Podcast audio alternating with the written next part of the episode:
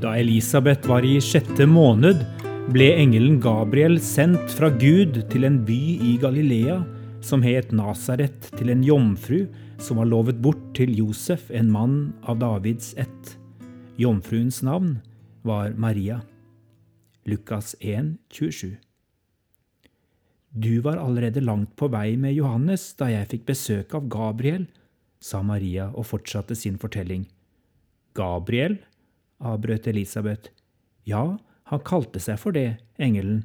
Både Josef og jeg fikk besøk av han flere ganger rundt Jesu fødsel. Gabriel, ja, nikket Elisabeth og lyste opp. Det var nok den samme budbæreren som besøkte min mann, Zakaria. Han visste å overraske den engelen. Jeg var egentlig for gammel til å få barn da han brakte nyheten. Og du var ung og hadde aldri vært alene, verken med Josef eller andre menn. Noe annet hadde du nok raskt fortalt meg, humret den gamle kvinnen.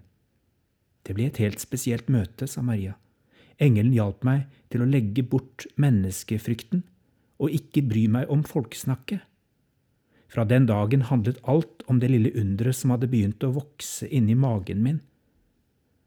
At Jesus ikke har noen far, er det vel best han aldri får vite, sa Elisabeth. Jesus har ikke bare én far, men to, sa Maria bestemt. En far i himmelen og en på jorden.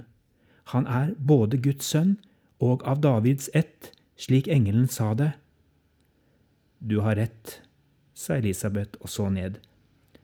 Jeg forstår at du vil beskytte gutten, smilte Maria, men Jesus trenger ikke lenger vår beskyttelse. Han er annerledes. Hans navn er Jesus, som betyr Herren frelser. Det er Han som skal redde oss